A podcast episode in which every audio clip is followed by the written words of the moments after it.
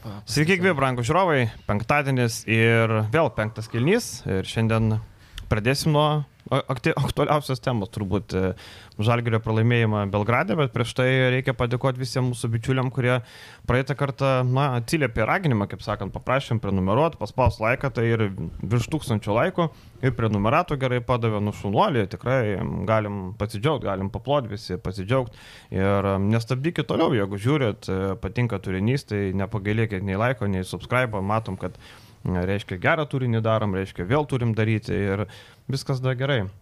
E, tai ką, e, Žalgeris pralaimėjęs Belgradą ir turbūt reikia nuo aktualiausio klausimo. Tai teisėjai apvagė ar neapvagė, nes matom, kad internautų nuomonė vieninga. Nepataikytos baudos ir pražangos kvailos, nu, kvailos. Teisėjų užfiksuotos nebūtos pražangos. Na ir dar žalgrio pačių klaidas reikia. Faktas ir internete šitie trys aspektai mhm. skiriami žalgriečių nepataikytos baudos, su kuo, na, čia visiškai reikia sutikti, negali 50 procentų tikslumų mest Eurolygoje baudas. 10 taškų atiduota. Žalgrio pačių klaidas pirmoji ypatingai rungtinių pusėje. O kas dėl teisėjų, dėl to momento, kuris ten iškriptas labai stipriai vaikšto ir kur Žalgris gauna pražangą polime, o partizanas gauna žalgerio pražangą gynyboje, tai aš iš dalies sutikčiau, man situacijos labai panašios, ten Arnas Butkevičius, berots jo ateina į pagalbą ir jam skiriama pražanga gynyboje, tuo tarpu žalgerį Brasdeikis, berots gauna pražangą mhm. polimetai. Nu, labai panašios, tikrai labai panašios situacijos, nežinau, galbūt arbitrai ten kažkokį didelį skirtumą ir išvelgia, aš savo mėgėjišką akimi jo nemačiau ir buvo tikrai tų momentų, kur tas namų faktorius šiek tiek suveikia, aišku, aš nesakyčiau, kad Žalgris pralaimėjo dėl teisėjų, tiesiog e, buvo keli momentai, kurie galbūt buvo traktuoti palankiau šeimininkams.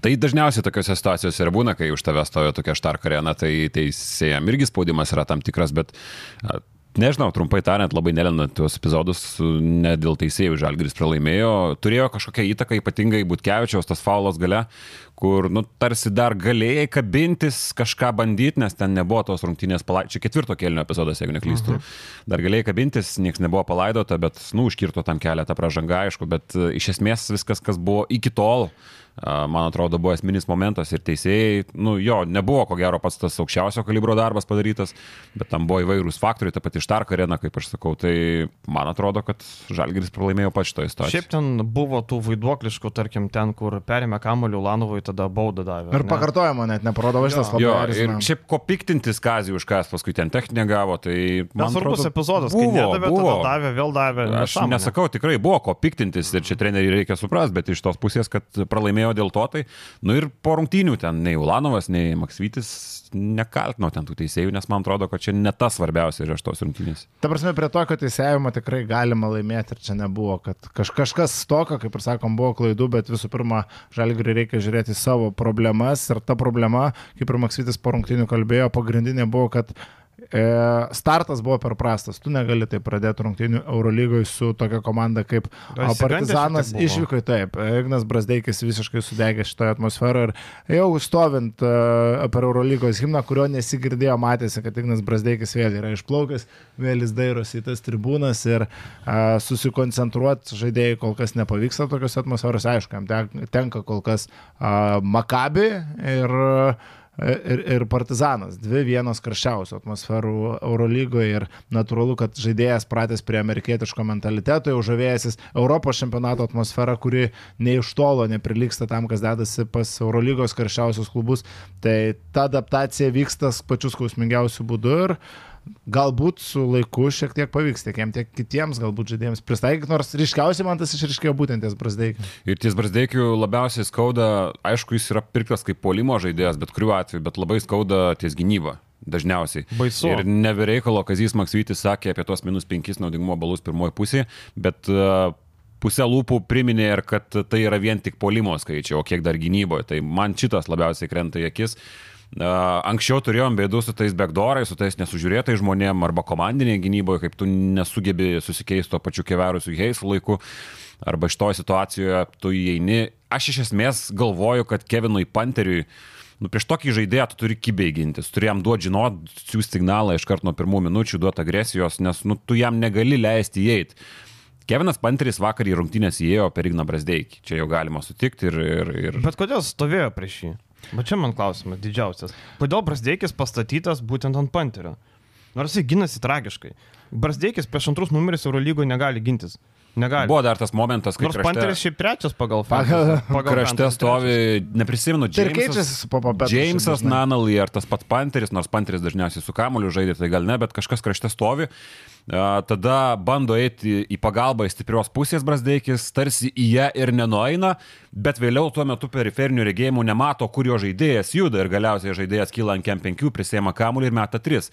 Tai tokios situacijos, nu čia yra koncentracijos spragos prie atmosferos, aišku, nereikia nurašyti to, grįžtam prie to paties, kad jis pasimetęs prie tos atmosferos buvo ir, nu, gynyba labai skaudėjo dėl to. Polimas tiesiog- kaip polimas, dar tu be jo gali gyventi su tokiu Kinonu Evansu, galbūt, aišku, tai yra praradimas, nes pasikartosiu, Brasdeikis yra polimo žaidėjas, imtas kaip polimo žaidėjas, bet skaudėjo ties gynyba labai Tai stipriai. tiesiog panteris eina veidų į krepšį, prasileidžiamas į stiprią ranką, kontaktas duodamas į ranką ir dar pelno taškus. Panteris šitas epizodas labai stipriai irgi įsirėžė. Tai iš Brasdeikio gynybos, nu, mes praktiškai nieko gero nepamatėm. Ir, Ir tarkim, nepamatysim. ir tarkim, antroji pusė polimas tarsi buvo geresnis, bet geresnis mano galva tai skaičių prasme. Vienas tritaškas pataikytas, kuomet rungtynės jau buvo baigtos, a, tada pataikyta nesąmonė su neteisingu Mhm. sprendimu, kur buvo įlipta į medį ir baros gal vienas geresnis epizodas. Sprendimai ir toliau nėra reikėjo teisingi. ir- tritaško nepataikė, kai ten buvo ge- gera proga, kai reikėjo nepataikė, o pataikė tik tą, ko nelė. Tai tas 10 taškų man kažkaip ne, nėra tas dalykas, kuris čia vos, sakytum, reabilita, reabilitavosi komandai. antrojo rungtinių pusėje, nu ne, nes reabilitavosi. Į Evansas reabilitavosi, prasta Mhm. rungtinių pradžia, okei, okay, tarkim, ketvirtam kelnį praleido jis ten tada ant egzumą, bet kažkaip nepikta, nu ten nebuvo kažkas tokio, kad... Bet per lengvai jis jį praleidžia. Man Tai nepatinka. ten kūno problema gal daugiau. Man atrodo, kad kartais Evansas per daug toposi, gal polimui, gal aš nežinau, bet, bet gynyboje problemos aiškios. Žinai, skaičiai 16 taškų, 9, jis tai 19 balų gražiai atrodo, bet gynyboje buvo daug problemų. Aš tai nesuprantu Evanso šitoje situacijoje Nu. ir aš vienareikšmiškai negaliu sakyti, kad jisai prastas žaidėjas gynyboje, nes matėm rungtynės Kaune prieš Virtusą. Man atrodo, jeigu neklystų, jam neėjo, bet prisiminkim tas labai geras pagalbas, labai laiku kūną pastatyta, labai gerai vienas prieš vieną gynybą. Nu, buvo banguotas, buvo ir klaidų, bet buvo labai daug gerų epizodų. Tai aš vis dar ne, ne, nesu linkęs suprast, kurioje vietoje mes turim skirstyti Evansą. Kaip ir nesu linkęs suprast, kur mes Signa Brasdeikiai skirstom ties jo metimais, tarkim 2 iš 14, čia 14 procentų berots Eurolygoje, LKL, nu tarsi spaudimo tau nėra, bet ten irgi 20 keli procentai. Papajanis vieną iš vieno turi. Papajanis Graikijos lygoje 2 iš 2 Taip, susmėgė. vakar įmetė vieną. Tai, tai kol kas sunku suprasti, nu jis Eurobasketė jis nebuvo tragiškas metikas, prisiminkim, bet e, nu, tarsi pati metimo mechanika nu, tau sufleruoja bet kuriuo atveju, kad jis nu, neturėtų mesti aukštais procentais, nes pats metimas nėra labai išvaizdus. Nu, bet uh, pamatysim, jeigu jis ir toliau neįsimetys šį sezoną, tai gali būti daugiau bėdų. Dėl Kinano Evanso tai vis tiek man yra tas, kad e, žaidėjas labai daug visko atiduoda polime. Nu, negali krepšininkas būti labai geras abiejose aikštės pusėse, tą patį kalbėjo ir Kazis Maksvitis e, apie Partizan, kad jeigu a, Panteris yra labai solidus e, polime, nu gynyboje jis šiek tiek prisitaupys, šiek tiek pasisaugos, mes matėm prisirinko pražangų, tai ir Kinanas Evansas, tai 9 rezultatyvus perdavimai, a, 16 taškų, tai kiek jis e, laiko su kamoliu praleidžia. Dar pridėkim tai, kad Partizanas labai aktyviai gynėsi, tas pats Jamas Madaras spaudė ir automatiškai atsiranda gal ir nuovargio, kažkokios klaidelės, tas fizinis krūvis. Tai tas ketvirtam kelni prasileidimas Dante Egzumo, nu tiesiog varžovas turintis stiprų kūną, jo pasinaudojo ir praėjo pro Evansą. šviežesnis, mažiau Taip, minučių aš kažkaip to nesureikšminčiau kaip Brasdeikio, kur tu matai, kad na tiesiog, tiesiog neapsigina žmogus e, dėl kažkokių priežasčių. Čia stiprus žmogus praėjo veidų į krepšį, nu praėjo, tai praėjo. Dar vienas įdomus epizodas. em, Maksvitis em, Lekšui basketinių sakė, kad mato pastiprinimo vietą priekinį liniją. Aš totaliai nesutinku su tuo, nes Tomas Dimša, išskyrus vieno gero mačo Tel Avive, visiškai nefunkcionuoja. Lukošiūnas tragedija, Kalnėtis matėm, gali duoti nuo širdžio minutę, maksimum. Reikia gynėjo ir nemanau, kad Davidas Gedraitis įspręstų tą problemą. Tarkim, Tomas Dimša, abu atakuojantis gynėjai vakar buvo vienas minusinis, kitas nepakilo nuo suolo.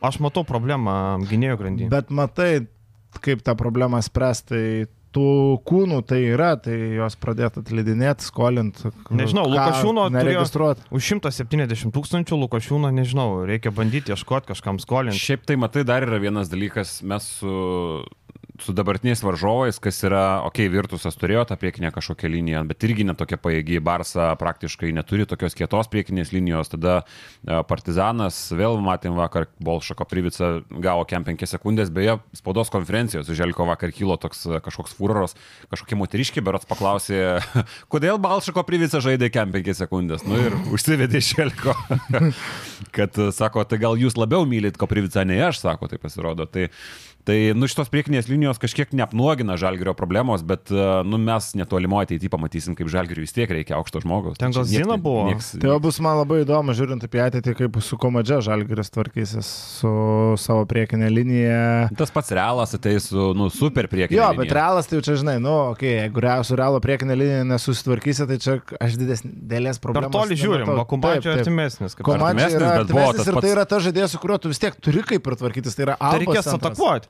Tas pats uh, Olimpiakosasgi kėlė daug bėdų. Nu, aš manau, kad priekinės linijos tikrai Ir reikia. ža, būtent skirtumas tarp žalgerio problemos priekiniai linijoje ir perimetro grandyje yra tas, kad perimetre mes turim kūnų, bet neturim kokybės. Priekinėje linijoje mes turim kokybės, bet neturim kūnų. Vienintelis Laurinas Birutis krinta iš konteksto, kiti trys aukštūgiai, mano galva, atrodo gana neblogai. Net ir Tyleris Kavanojus yra nemažai tarkuojamas, bet nu, aš nemačiau ir vakar. Tai buvo keletas blogų sprendimų uh, polime, bet uh, man jis nekrenta. Aš tai manau nekrenta tiesiog, kad nežinau. šitos trejos rungtynės labai slepia šitą bėdą. Paskutinės trejos rungtynės, dviejos labiau gal, su pakankamai palankiais varžovais priekiniai linijai, man atrodo, šiek tiek slepia šitą O problemą. Šmitas Barsa. ir Heisas apskritai atrodo labai gerai. Šiaip, nublemba, tarkim, jūs apie centrą, bet jeigu reiktų rinktis, vis tiek gynėjai daro pagrindinį darbą, nu, kaip bebūtų. Baudos aikštelį tu gali slėpti aukštūgius, gali spaustis, gali dvigubinti. Gynėjai, nu jeigu neduoda gynėjai, jeigu Evansas turi vienas traukti, Lekavičius vakar gerai, bet vėl prisirinko baudų. Lekavičiaus kūnas žalgerio gynybai netinkamas. Ir man čia toks didelis kontrastas, atsimenam Šaro žalgerį, Lekavičius, Šaro žalgeris irgi agresyviai gynėsi, lipo, daužėsi kūnus, jisai kažkaip labiau lipo. Prie kazio daužymasi, kažkaip Lekavičius netaip atrodo ir tos pražangos susirinktos tokios. Kažkaip vat man tas keista, kur yra skirtumas. Ir vat, man tas momentas, kai Lekavičius tik pakilo nuo suolo ir jis gynyboje naudojamas prieš Jamesą Nanalį.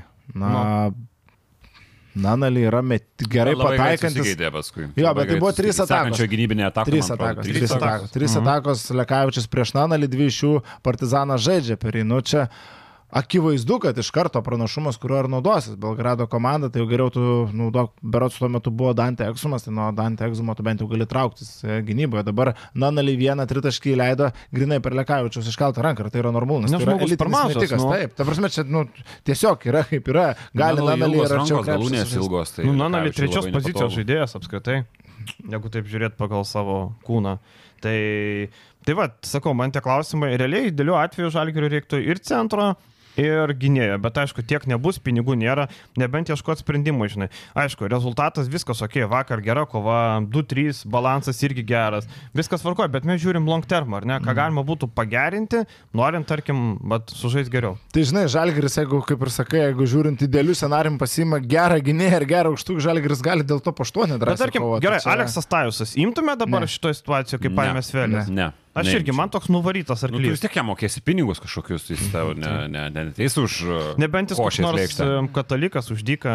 Ne kažko Už ieškoti iš, iš. JAF, nežinau, iš e, paliuosuotų žaidėjų, kaž, kažką tokio. Bet tu sakai, Davidas Gedraitas, klausimas, ar kažką duos. Nu, aš galvoju, kad duos. Visų pirma, e, Gedraičio pliusas bus tas, kad jis gynyboje yra stiprus žaidėjas ir tu ne, nebijodamas jį gali vesti kovą. Man įdomu? Gedraičio kūnas Eurolygoje yra. Eurolygoje? Tai va pamatysim. Sunku. Tai sunku. va, tai va. Eurolygoje vat, labai didelė mislė ir aš kol kas nedėčiau labai daug. Šiaip e, gynyb, perimetro linija vis tiek, tu esi investavęs nemažai pinigų. Evansas ir Brasdeikis pareikalavo didelių investicijų čia, bet kuriuo atveju.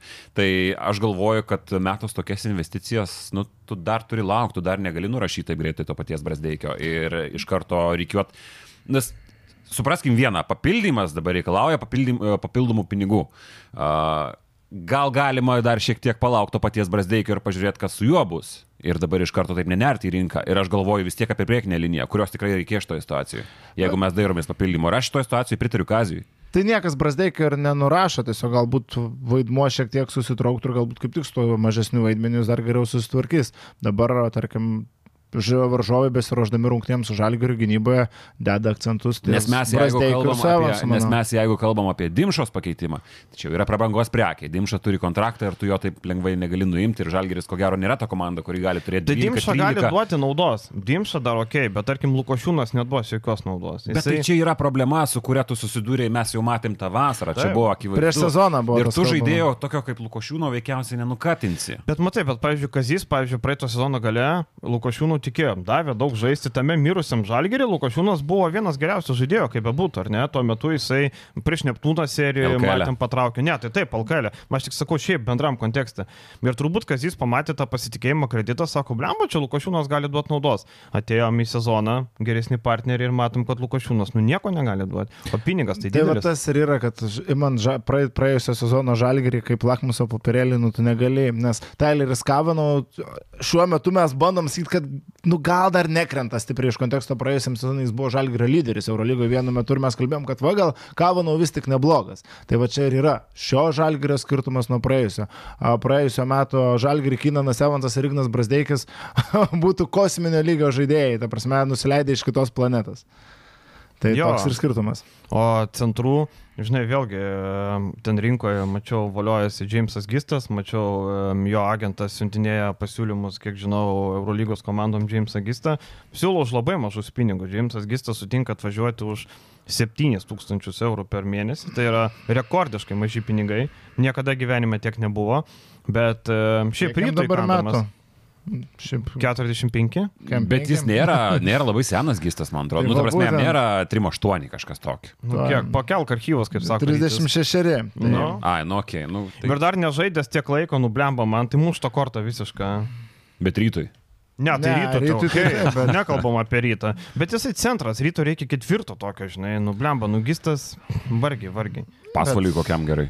Su savo rolė Gistas praktiškai visada susitvarkydavo, aš nežinau, aš tai nebūčiau labai. Bet žinai, kokiam lygiui? Masvelis pažiūrėjo, kokia buvo komanda. Nu, nežinai, čia kokiam lygiui. Jeigu tu nori būti paskutinis, tai ok, imgistą. Aš va būtent, kaip ir sakau, aš ieškočiau vis tiek galbūt ne iš tų saugių nuvarytų variantų, nes na nėra reikalo čia dabar e, bet kokią kainą gelbėti sezoną, jis nėra blogas. Galima parizikuoti, tu sudėksi, tai sudėksi su kažkuo iš Junktinių Amerikos valstijų atkabintų žaidėjų. Tai nebus tau, kad va, jeigu su šitų pirkiniu nepaeina šakės, mes vėl LKL liksim treti, Eurolygoje liksim paskutiniai. Ne, tu gali imti pirkinį su, di- su, didelė, e, su, didelė rizikos, su didelėmis rizikos lubomis.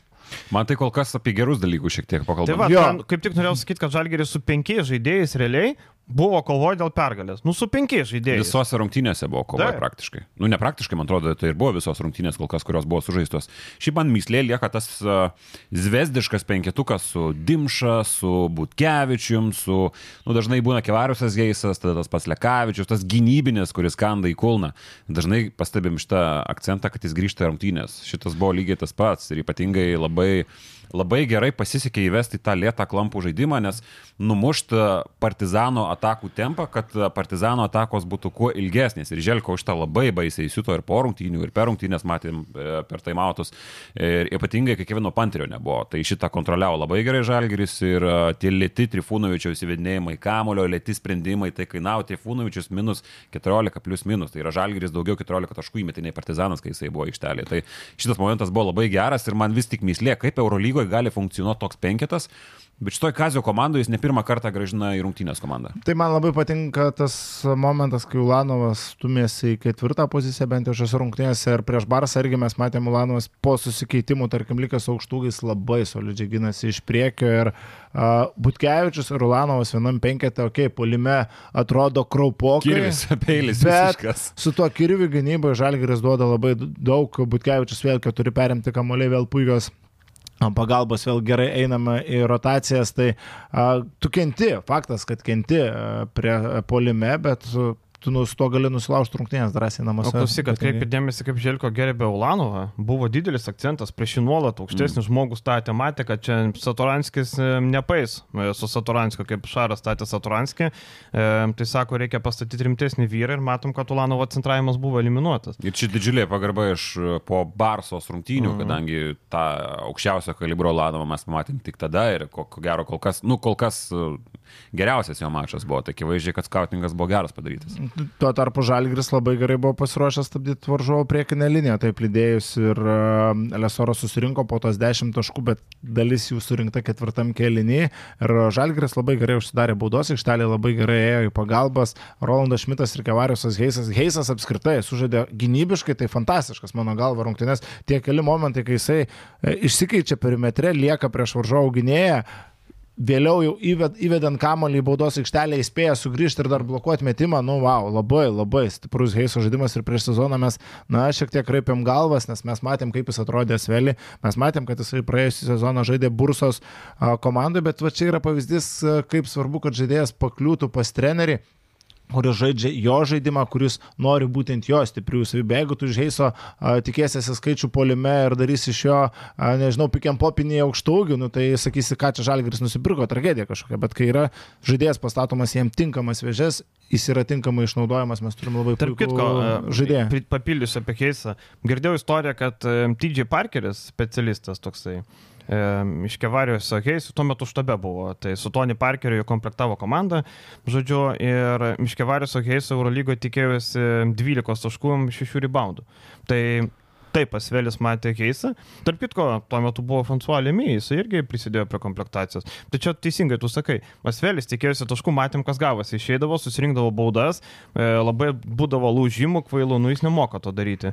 Tai Žalgeri labai gerai išnaudojamas. Šiaip, e, kiek tenka girdėti iš klubo vidaus, jis turi tą neblogą visai levidutinį metimą, tik Žalgeris kol kas to ir nebando per daug išnaudoti. Tai frūtį turėjo, gerai. Galbūt sezono eigoje ir tą dar savybę pamatysim dabar, jis turi kelias tą savo užduotis, kurias atlieka idealiai ir kartais to užtenka. Mes turim keli žalgrį žaidėjus, kurių užduotis yra, na, gali ant rankų pirštų suskaičiuoti ir jie jas atlieka labai gerai ir mes dėl to turim tokias geras rungtynes. Mes turim Arną Butkevičių, mes turim Kevarius Aheisą, mes turim Rolandą Šmitą, kurie savo dalykus, kur, už kuriuos jiems mokami pinigai atlieka idealiai. Durkio iš esmės jis panašios rolės ir buvo žaidėjas, nieko čia naujo, kažko Maksvitis neišradinėjo.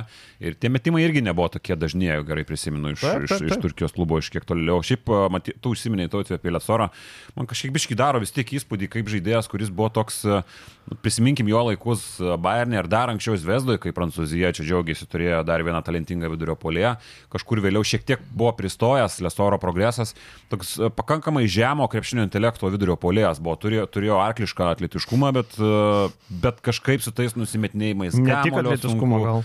Ja. Ką darėt gerai? ja, tiesiog apetito turėjo. A, nu, Avižas mėgsta. Taip, taip, taip, mėgsta Avižas. pavalgyti. Nu, tai netrodo, kad mėgsta. Dabar pavalgyt. matome, kad Žalgeris labai solidžiai su juo dirba, bet uh, prie dvigubinimų, prie susispaudusios gynybos labai solidžiai nusimestas kamuolys.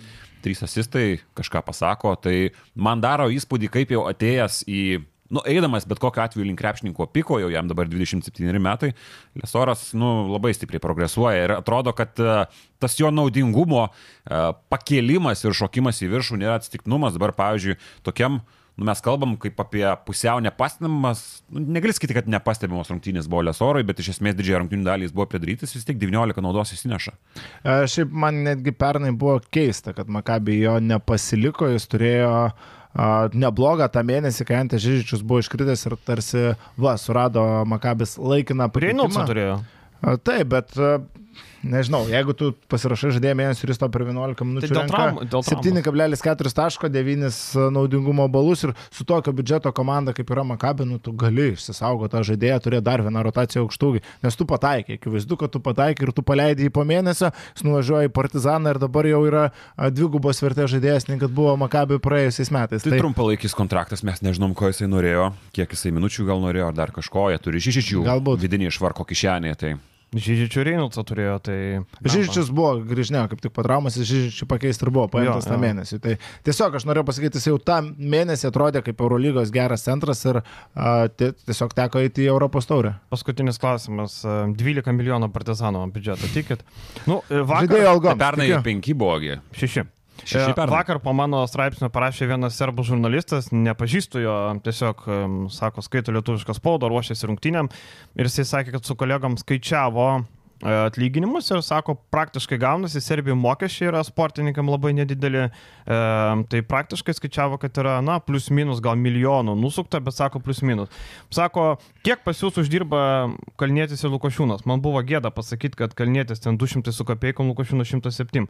Žalgeris išleidžia 300 pem štukų, ar ten 400 žaidėjim, kurie nežaidžia. Sako, mūsų žaidėjai, kurie nežaidžia, tai Kopryvica ten ir taip toliau, sako, uždirba po, po minimaliai 100. Bet tai ten. mokesčiai, koks skirtumas, aš tai netikiu. Pavyzdžiui, Netikiu. tarkim, yra mokesčiai, tai gerai, nu, tai tarkim, mokesčiai maži, bet kontraktų dydžiai, tai Janis Papapetru išvažiuoja iš savo, 7 pem, taip. iš savo palankios aplinkos, tai vien tai, Taip, taip. lydėjus. E, Panteris, būdamas vienas geriausių Eurolygos korerių tuo metu, finalo ketvirto komandų išvažiuoja į Europos taurės komandą, jo kontraktas e, antrais metais galimai net ir pakilo nuo praėjusių pirmų 3 metų. milijonai dviem metam, tai pusantro lemą skaičiuojam. Tai, nu, čia mes nekalbėkime apie to. Bet čia dolerių, nu taip, jau išsilygino. Nu, mes Taip, tokios pavardės. Na, bet žiūrėkit, Hebra, teisybės dėlė, ne, tarkim, galim paskaičiuoti. E, pusantro milijono panteris, vienas vienas milijono lydėjas, 2,6. E, toliau, e, ponas Papapetrus 7 pem, o Bradovičius milijonas su kapeikom. Ar tikrai milijoną jisai gauna tik tai? Nu, blemba, tai... Tai, nu, tai prašė. milijonas, okei, okay. gerai, toliau skaičiuojam. Dante Egzumas, Džeimsas Nanali. E, Tai Jim, e, Nanali ir Exumo alga tarp 6 pem, 7 pem. Dar pusantro lemą dviem, tarkim, ne. Nu ir toliau eina roliniai A, žaidėjai. Džiušičius. Nu, 200 pem. Nu, 200 pem, okei. Okay. Viskas. Madaras. 200 Madaras jaunas žaidėjas, manau, 200, nu gerai, tarkim, 200 pem. Tai gaunasi kokie 5 lemai sudėjau 6 šitos žaidėjus, o visi kiti roliniai krepšininkai, pažiūrėkit, kas pas juos, kaip tu Vilio, na, kartą prajuokinai mūsų žiūrovus, Šašlovas ar koks tam žodis. Aleks Paplovas. Abramovičius, Paplovas. Milagičius irgi tikrai negauna 100 tūkstančių. Ne, ne, ne, ne. Alg... Nu, Tarkim, bet, bet pasižiūrėk, kas yra naujokai iš tos komandos uh, Papapetrų, nu, tokie ryškesni Papapetrų ir Eksumas.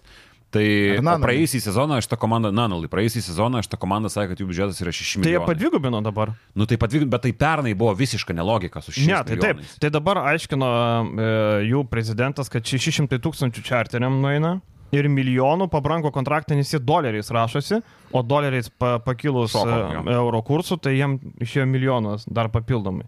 Tai, nu, padvigubino. Dabar šitas biudžetas, sakau, man Serbas sakė, kad jie su kolegam skaičiavo, žinai, kaip mes turime insaidą, kiek uždirba ten Ignas Vaitkus, jie turi insaidą, kiek uždirba Balšo Kuprivica. Tai lygiai taip pat. Sakė, jie skaičiavo, kad biudžetas yra, nu, gal ne 12, gal yra 13, 13 su pusė, o pernai skaičiavo, kai sakė 6, kad yra apie 90. Tai šiemet mažiau nusuko, kaip sakant.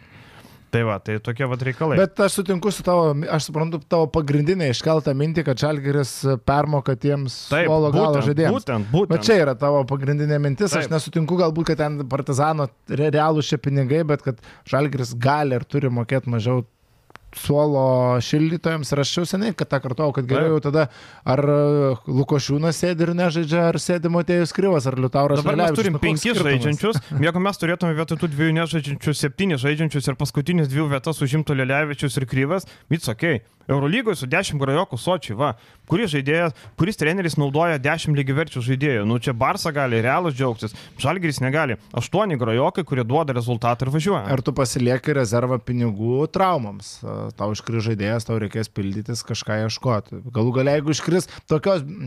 Būkim realistai, jeigu tokia komanda kaip Žalgiris susiduria su daug traumų sezono eigoje, nu tu jau neturėsi gero sezono, ar tu niekaip neišsigelbėsi ir čia sustrumo, dabar bus klausimas, o tai kas bus, jeigu sustrumos Evansas? Nu, sustrumos ir Šakės, nu ir pizdėts bus. Va, va, taip ir bus. Baskonė lygiai taip pat uh, didžiulis pergyvenimas buvo, kai Falas užkrito Howardo ant kojos ir, ir galvojo, iškrito ir neaišku, kiek ilgai.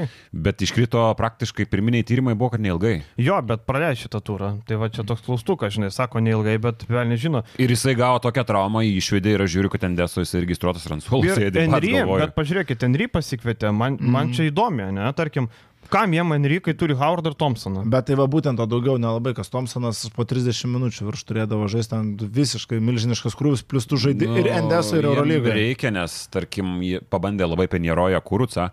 Ir Kurucas netraukė iš to lygo, tu negali žaisti su Arturo Kurucu jokių minučių, e, bet jie turėjo žaisti, nes reikia tam tikras polisio minutės suteikti tam pačiam Howardui, Thompsonui, jie pasikeisdami žaidžia. Tai turėjo savo minutės ir jos visiškai buvo minusinės, tai jiem kažkokio keitimo stiprinant ir ypatingai gilį rotacijos. Tai reik, aš galvoju, kad Tai reikėjo. taip. numerio. Tai va, tai apie Žalgirį turbūt viskas, ne, ką galim pasakyti. Kitą savaitę atvažiuoja Alba, kurią Mhm, reikia duoti per pergalės. Reikia Dvi pergalės išėlės dabar žalgirį reikia imti ir Alba ir po to Svelis išvykai. Jo, ir Asvelis, e, o Asvelis, Alba ką, e, neaišku dėl Smito, kuris vis dar traumuotas, Eriksonas ten amžina trauma, tai galima net nesikliauti. Labai juokinga buvo, e, buvo pas vokiečius apie tai, kad kur nėra žaidėjo modolo, mislinga trauma, mislingos aplinkybės, neaišku kas ten yra, galiausiai modolo nefigūruoja komandoje, nors komanda skelbia apie traumą, bet neskelbia kokia, neaišku kiek, ten kažkokie ki- kiti reikalai turbūt vėl nežino, mums nuo to tik tai geriau, aišku. Ir va čia bus rungtynės, kur nu, jau turi Ignas Brasdeikis duoti savo dalykus prieš tokią gynybą. Berlyno Alba, bus. taip, vakar- Sevansas turi dar styto žalgį, reikia stabdyti komadžę čia, be, be kalbų. Ir vakar Valencija per kepurę iš karto ir davė antroji pusė, jau ten per pirmą pusę praktiškai, nu ne viskas aišku buvo, bet jau susikrovė savo pranašumą ir ten pakankamai lengvai sutvarkė. Tai čia jo turi traukti per kuprą gerai žalgeris kitą savaitę. Ir labai įdomi mikrodvikova Krisas Džonsas prieš Kynaną Evansą. Šiaip dabar, va, tai tarkim, žiūrint. Koks Krisas Džonsas? Oi, aš į Valenciją pasižiūrėjau, mai, jo. Bus to dvi Įsivai Valencija. Bus, bus. Vis atsidariau Valenciją Alba ir, žinai. Bus, bus, bus, Krisas. Džonsas bus. Tamiras Blatas prieš Luko Lekavičių. Tamiras Batas. Okay. O šiaip apibendrinus galim pasidžiaugti, kad e, Žalgeris kol kas per tas penkis mačius padovanojo gerą Eurolygos vakarą. Nei vieno karto nenusivylėm, nebuvo sutriuškinimų, nebuvo.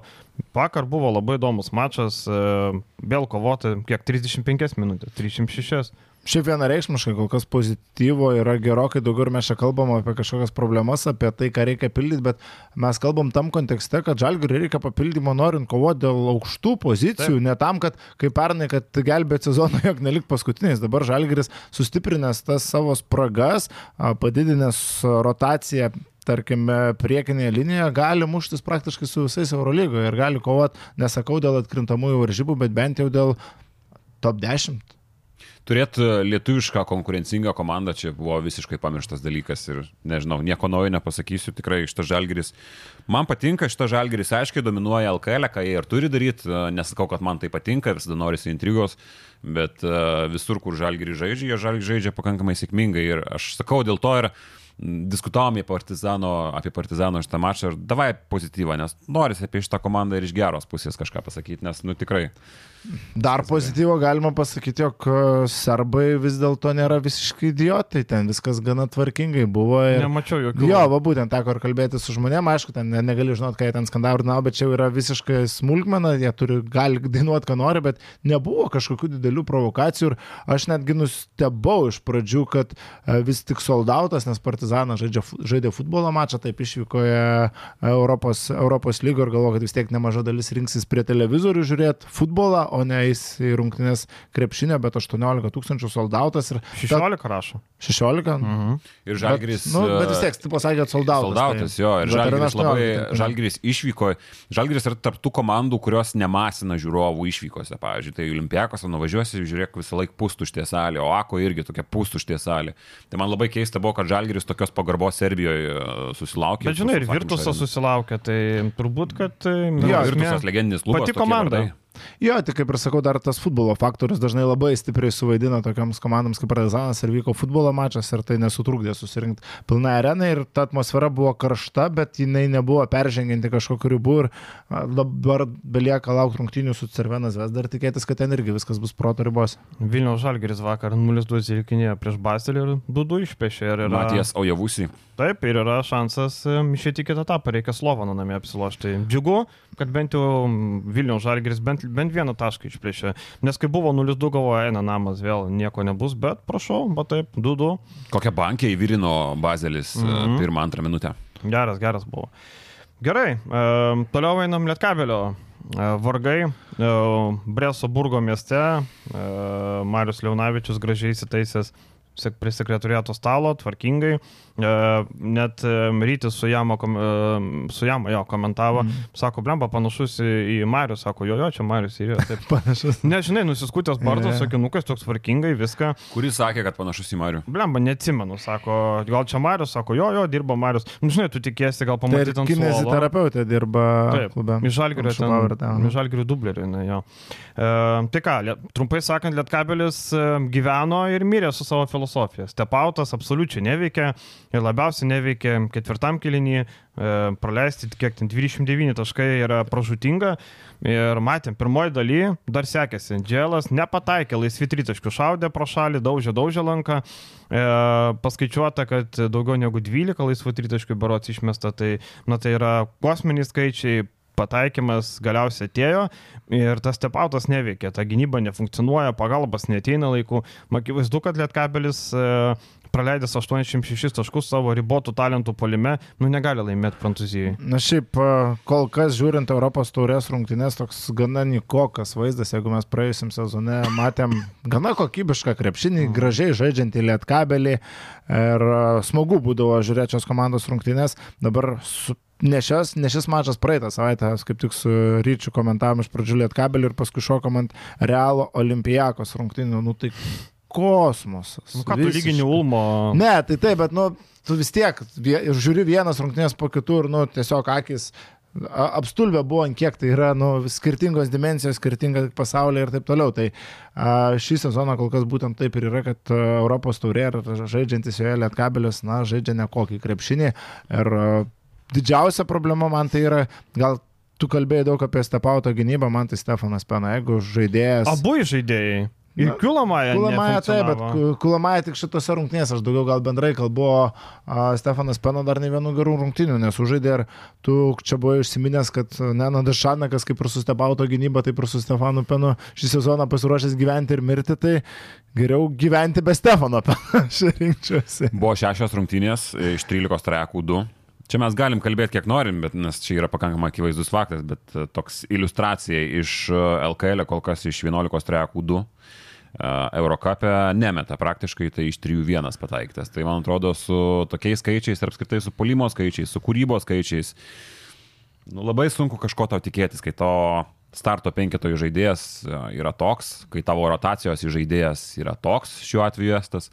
Uh, Morisas sužaidė kol kas geriausias rungtynės Lietuvoje. Morisas Morisas įsibėgėjo, įsibėgėjo. o Kiulamaja kaip tik ryto žemyn, jisai labai gerai pradėjo, pradėjo sezoną ir e, aš taip pasižiūrėjau, kaip jisai žaisdavo Ispanijoje, jo skaičiai tokie nė- nėra gerai iš toli, dabar įsilygino, tarkime, Eurocapė apie 3 mačius 5-20-25 procentai. Bet čia nebus Europos čempionato sindromas su Kulamaja. Jis turėjo neblogą čempionatą su Estijos rinktinė, buvo tarsi pikiniai formai, tada ant to dar kažkiek pavažiavo ir dabar atėjo laikas duobė. Dažnas atvejis, apie tai daug kalba iš tikrųjų. Gali būti, gali būti, bet um, iš esmės kaip bebūtų, kokios priežastys, bet Lietkabeliui, nu, žaidėjo reikia, nu, nefunkcionuoja, nu, e, Penui apskrit, apskritai tragedija. Bet tai penų reikia atleisti. Ir Reikia, nežinau, Žinau, aš tai galvoju, kad reikia pokyčių. Penui yra prienų lygio žaidėjas, nu, nedaugiau. Tu gali galvot, kad čia problemos yra ištaisomos, kad čia yra progresuojanti komanda, bet nu, tu negali tikėtis iš to žaidėjo kažko daug. Arba tu imi kitą į žaidėją ir jeigu peno nepaliuosuoji, tai galbūt stumi į rotacijos galą, bet ko gero būtų per didelė prabanga, aš nežinau, kiek jie moka. Bet iš esmės reikia keitimo iš tos situacijose, nes tu negali važiuoti tik tai su gynyba, kuri apskritai dar iš tose Penų rungtynėse kokių buvo. šiam septim pasiemą, manau, ne už lėkštę atvažiavo. Ir Tai va. apskritai reikia gal net kitokio tipo žaidėjo, aš sakyčiau, nei peno, aš tai imčiau šitoje vietoje skorerį, dar vieną siautulį aikštėje ir važiuojam. Jeigu. Radyčevičius praėjusiais metais atrodė kaip spalvotas televizorius, nu, tai daug ką pasakė. Lemba, su siautuliu gal ne, netinka? Čanako tie siautuliai. Nu, pažiūrėk, ką laimėjo su Vinalė, su ką laimėjo su Kendriku Braunu. Užtenka Morisų, jisai yra toksai out of box žaidėjas. Reikia blemba decent į žaidėją, kuris persivarytų kamolį, netiduotų kamolį atsisukęs varžovui, kur nesportinė, po to pasiema komandos draugas. Žmogus, kuris nebūtų tas, kur atsuka nugarą, šikna, sako, tu mes tą tritaškį, nu, nu reikia to, bent tokio Bet žaidėjo. matai, pernai Lietkabelis turėjo ir ne per žaidėjų pozicijas daug talento polime. Turėjo Kalaidzakį, turėjo Gediminą Aureliką, turėjo Gagičių. Tai yra žmonės, kurie tau duoda daug polime taškų. Gynyboje, tarkim, Gagičius netoks geras, bet šį sezoną tų, tie žaidėjai pakeisti labiau roliniais krepšininkais ir dėl to galbūt daugiau talento polime reiktų permesti perimetro grandį. Ir, na, tu sakai, net Šanako stilius, bet tai stilių gali keisti. Bet nekeičia ir nekeis. Nu, nežinai, filosofija veikia, turi, visi treneriai turi savo filosofiją ir labai retai keičia pas sezono metu. Pavyzdžiui, žinai, Bet ryškiausias... pats sakai, jis yra jisgi bandęs, tai Vinalės buvo pasiemęs autolį. Ir pamatėm, ko baigėsi. Prastas sezonas buvo. Dėl trečios vietos Bet žaist. įsiuntė visus nahui ir paleistas iš komandos buvo. Netgi šitaip. Taip, tai dėl trečios vietos, kai jie žaidė, E, Ne, jie baigė pusfinalį su ryto, tada dėl trečios su Utena, jo jau nebebuvo. Tiesiog Rūbiniai jisai visus pasiuntė, susipyko ir po to Vilnių, Vilnių gatvėm vaikščiojo. Bet keista, nes po to vietos. buvo intervius, jo išėjęs kažkur angliškai, jis labai gražiai kalbėjo apie Lietkabelį, labai gražiai Tai kalbėjo apie apie, Lietuvą. bet apie jį turbūt niekas gražiai Jo, jo, nekalbėjo. Vinalės jis taigi davė, davė tuos blogus savo, kur pasakojo apie kiekvieną savo šalį, kuris yra rungtyniavęs, tai apie Lietuvą pakankamai gerai atsiliepė. Tai ten, žinai, toj serijos su ryto, ten buvo viskas, paskutinis mačas, Gys tada išėjo į Rūbinę, susipyko su Čanako rungtinių metu, tada Rūbinį siuntinėjo ir um, kai rungtinės dėl trečios buvo, jisai Gedimino prospekte kavutė geria. Viskas, nebebuvo dėl trečios vietos. Tai gerai, kad kava dar ne kaip tie. Tai dar ryto. bent- bent- bent nenoriu, Dieną Tie ryto. kavą. Tai dieną kavą. Tai ryto tai tie iš e, Vainausko paskutinio sezono. Man tai ryškiausias susilpnėjimas yra, kad vietoj Kalaidzakio nėra tokio žmogaus. E, Murauskas dar nėra Europo, Europos taurė, nėra pasiruošęs žaidėjas. LKL tai, kad jisai užsiūtė per pirmus turus, ok, bet Europos taurė Murauskas yra zero. Aš gal nesakyčiau, kad Lietkabeliui reikėjo būtent vietoj Kalaidzakio žmogaus. Ne, ta prasme, nėra tokio nuo suolo Aš žmogaus. suprantu, Šiaip. ką noriu pasakyti, bet iš esmės komanda visiškai perkomplektuota ir lyginti. Čia, čia dvi vis skirtingos komandos. Joje liko tik tai Maldūnas ir Lipkevičius. Du žaidėjai. Grantas Vasiliauskas. Ai, tada, tada viską, viską keičia. Grantas Vasiliauskas, tada brandolys galima išsaugotas. klausytojo. Atsiprašau. Baisiai atsiprašau. A, tai liko vos du žaidėjai, natūralu, kad komanda nuėklijuota ir natūralu, kad nėra, kad žaidėjas atvyko vietoj žaidėjo, tiesiog surinktas naujas modelis. Ir šitam modelį man dar kartą pasikartosiu, trūksta talento visų pirma polime. Tai polime Lietkabelis niekada nebūdavo. Modelis tas pats iš esmės liko. Nu, sakai, sakot, nebuvo pernai, bet, nu, tai kad buvo. Buvo Gagičius, kuris uh, agresyvus po krepšių, buvo pa- Kalaidzakis, kuris duoda polime, buvo Relikas, kuris yra tik polimas. Bet polime talento tai buvo, tai negali sakyti, kad nebuvo. Tai visa komanda buvo pataikanti iš trijų taškų zonos, buvo. dabar uh, Peno negali į lanką, beveik kaip uh, Vulsų Juanas pataikyti. Tai ir dabar, e, dabar kitą savaitę laukia Plūžo Napoka. E, Ten tokia laukinių komanda, tokia labai įdomu, kaip ten seksis, nes namie žaisti, nu kaip reiktų jau laimėti, nu jau e, reikia pasimti. Mes kalbėjom, sakau, praeitą savaitę, kad lūžas nu, skamba kaip laukiniai galbūt, nu ir galbūt e, aš jų nemačiau, nežinau, bet gal ir yra kaip laukiniai, bet e, pavardžių jie turi, tai čia nurašyti, kad lūžas vėlgi būtų klaida, man atrodo. Tai tiesiog Lietkabeliui nelabai reikia. Nėra grupiai tokių komandų, kurios atrodytų per daug baisiai, kad negalėtum pasimti namuose. Reikia rinktis tas pergalės namie ir išsikabinti tą kitą etapą. Toks šio sezono Lietkabelio tikslas. Jo, ir dar mes nepaminėjom tos gynybos, nu, kai Jordanas Floydas įsibėgėja po pertraukos ir jisai prieš lietkabelių gynėjus kaip prostovelius. Ir matom, kad e, koks paprastas krepšinis. Tu turi vieną žmogų, kurio niekas negali sustabdyti. Tu tiesiog pasakai visiems tokį plačiai, palikit mane viens prieš vieną. Ir viskas, duriu, nėra jokių problemų. Čia buvo izolacinio krepšinio pavyzdžiai, kaip reikia visus maudyti. Ten bandė padėti, ten bandė dvigubin, bandė ateiti stantų, bet viską arba nusimeta, arba pats praeina ir pelno tos taškus. Tai Floydas per antrą pusę padarė tokį šau. Per pirmą zero buvo taškų, per antrą prašau. Tai jis nulaužė rungtynės vienas. Bet ir geriausias komandos sniperis, tris tolimus metimus išsimeta visiškai laisvas, visus juos pataiko. Tai Lietkabelio gynyba ir ties šiuo aspektu su tom pagalbom netrodė solidžiai. Korby ten. Jo. Jisai- Stirgus buvo pavardė, bet jo Korbi. Mhm, tai va, tai jo, tai apie Lietkabelį turbūt tiek. Taigi su mumis šiandien mūsų bičiuliai Twin Sportas, e, jų sezonas artėja į pabaigą, kaip sakant, vienas baigėsi, kitas prasidės lapkritį, tai uh, Twin Sportas, uh, mes kalbėjom praeitoje laidoje apie juos, gal kažkas mus neteisingai šiek tiek suprato, Twin Sportas, na, negali bet kas įsinuomot salės ir nuėti pamėtyti, ne. Čia taip negalima, čia yra rimta lyga, turi struktūrą. Tarp kitko, matėt, Romualdas Brazauskas lygos prezidentų tapo, tai va irgi e, rimtas dalykas. Federacijos prezidentas Brazauskas, žinom, gerą patirtį turi, gal ir kažkokių niuansų, nes pavyzdžiui, kai vienas prieš vieną lygą kūrėsi, tai Romualdas labai gerų taisyklių pakeitimų mm. jam pasiūlė, tai gal ir čia inovacija va tokiu atneš. Bet tai tarkim naujiems žaidėjams e, įmanoma ten kažkaip, kaip sakom, negalima praeiti iš gatvės, bet kam, bet nu, žaidėjų cirkuliacija kažkokia kitam sezonui tai turėtų vykti. Tai kviestiniai gal tik tai, ar ne? Nežinau, turbūt. Turbūt, e, matom, kad ten šiaip daug žymių pavardžių. E, Dabar, pavyzdžiui, reitingė pirmauja NKL žaidėjas, va, tu puikiai žinai, Laurinas Kirlys. E, Molėtuose žaidė. Ai, Jo. nėra, kad labai įsiminė. Sako, tu puikiai žinai, sėdi žiūri tuščiom akim. Po devynis taškus. Atsimenu, atsimenu, bet aš neblogai. molėtų labai mažai stebėdavau, matai, tolimas miest, miestas. Tai. Jo, tai šiaip galima paminėti, kad Praškevičius yra ketvirtas beros, penktas šiuo metu Praškevičius, Sinica dvyliktas, Marius Pacikonis dvidešimtukė yra. Šiaip gerai. Pacikonis geras žaidėjas buvo kažkada. Tai LKL lygių yra. Pacikonis vargi molėtose buvo, jis buvo žaidžiantysis treneris ir yra LKL judėjas. Utenoj. Tas vienas iš tų pavyzdžių, kur žaidėjas labai ilgai savo kūną gali pri, prižiūrėjo. ir- Kelė tai dar labai gerai judėjo, saulėlydį karjeros. Trajeką gerą lyg Mm. turėjo, jeigu gerai. Gerai užsifiksavęs. Tai va, šiaip e, gerai juda panos, e, Vitalija Miežytė, e, penketukė yra Vakarės Tankievičiūtė, Greta Šniokaitė, bet puikiai žinoma e, LMKL ilgametė krepšininkė. O sako, kad lapkritį prie naujų dalyvių prisidės ir Laurinas Samienas. Samienas turėdavo tokį labai aukštą tokį metimą, toks įdomus metimas, bet šiaip neblogą metimą turėdavo, atsimenu, pūstvaros durdavo, bausdavo, kas pasyvė gynybą gindavosi. Peno pizdės būtų iš tam turnyrė. Nu, Peno, manau, praščiausiai pasirodytų. Manau, Šnekaitė prieš Peno laimėtų į vieną krepšį, manau, be jokių problemų. Šiaip, ką dar galima pam- paminėti, kad e, šiaip unikalus sportas, pirmasis pasaulio, kur viskas kompiuterizuota, e, kameros, lazeriai, sensoriai, e, kada kamuolys krenta į krepšį, įkrenta ar neįkrenta, kompiuteris išrenka stovus, iš kur mesti, išrenka e, ten kiek taškų. Pavyzdžiui, jeigu tu iš pakrepšį mesi trijų taškų vertės, aš įmetu, tu neįmeti, bet tu įmeti trajeko, ten bus vienas. Ir aš vis tiek turiu pranašumą. Tai va čia vat, labai įdomiai, šiaip įdomiai padaryti. Taškų skaičiavimo sistema tikrai įdomi, man patinka tas, kad nėra, kad būtent tai, kuo iš toliau, tuo daugiau taškų. Tarkim, kaip tik kiekvienas žaidėjas turi gal savo specifinius taškus, specifines vietas metimams. Tarkim, turiu pažįstamų, kur iš vieno taško metą nuo lentos, nu gali sumest 50 metimų šilės ir keturių maždaug 5 metrų atstume.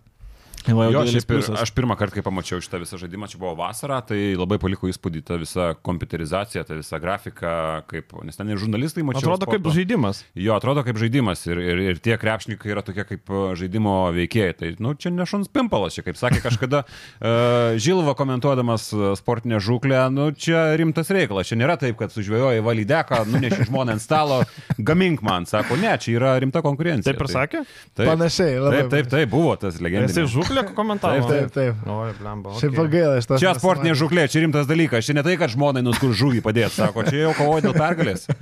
O kaip tik klausė e, dėl tų studijų e, po praeito mūsų podcast'o, kai turėjom e, Twin Sportą, sako, kaip čia, kas čia įrengė, kaip čia viskas buvo.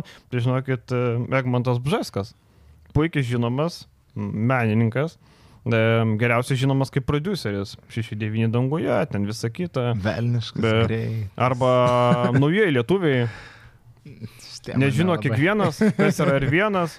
Taip, tai buvo. Taip, čia Man, legendinė. man šeši Per devyni savo. Sony Ericsson mobilųjį telefoną prisimenu, grodavau mokykloje. Per vakarėlius, kai jau padauginta nealkoholinio, tai eidavo į trasą ir vienas jo papa. Taip.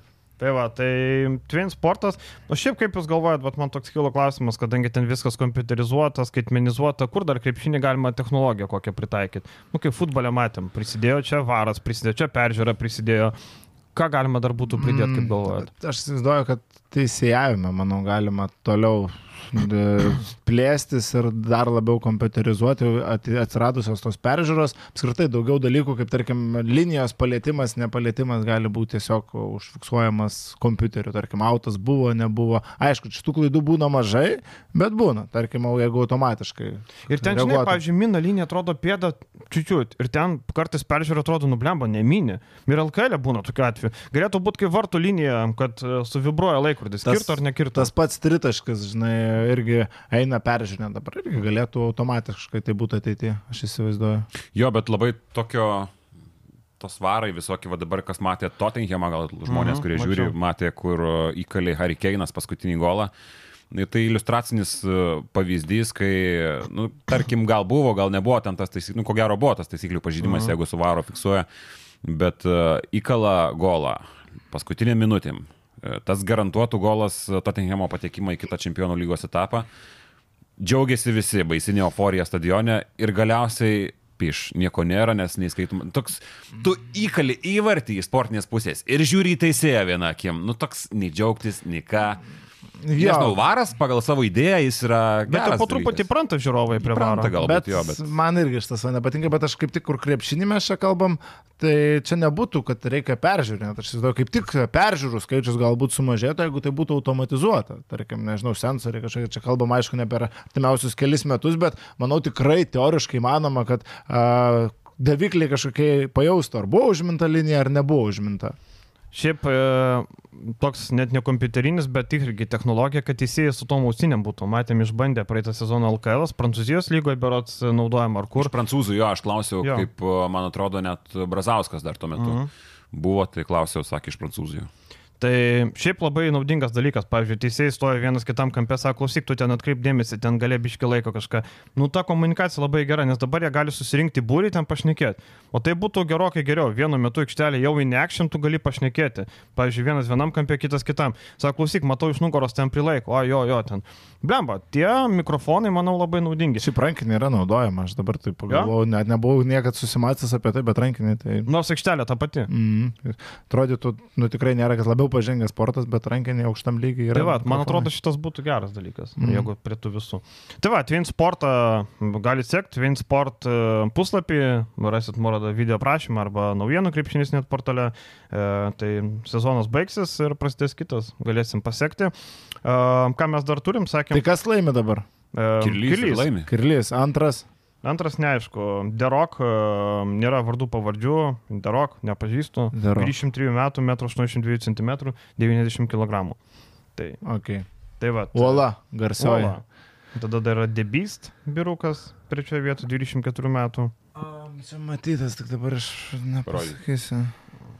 Zabist. Ar šitas iš ryto dublerių, man atrodo, jo. Subutkevič. Jo, Robertas Subatkevičius, O, jo. prašau, nu va, ne iš nuotraukėlės galima atpažinti.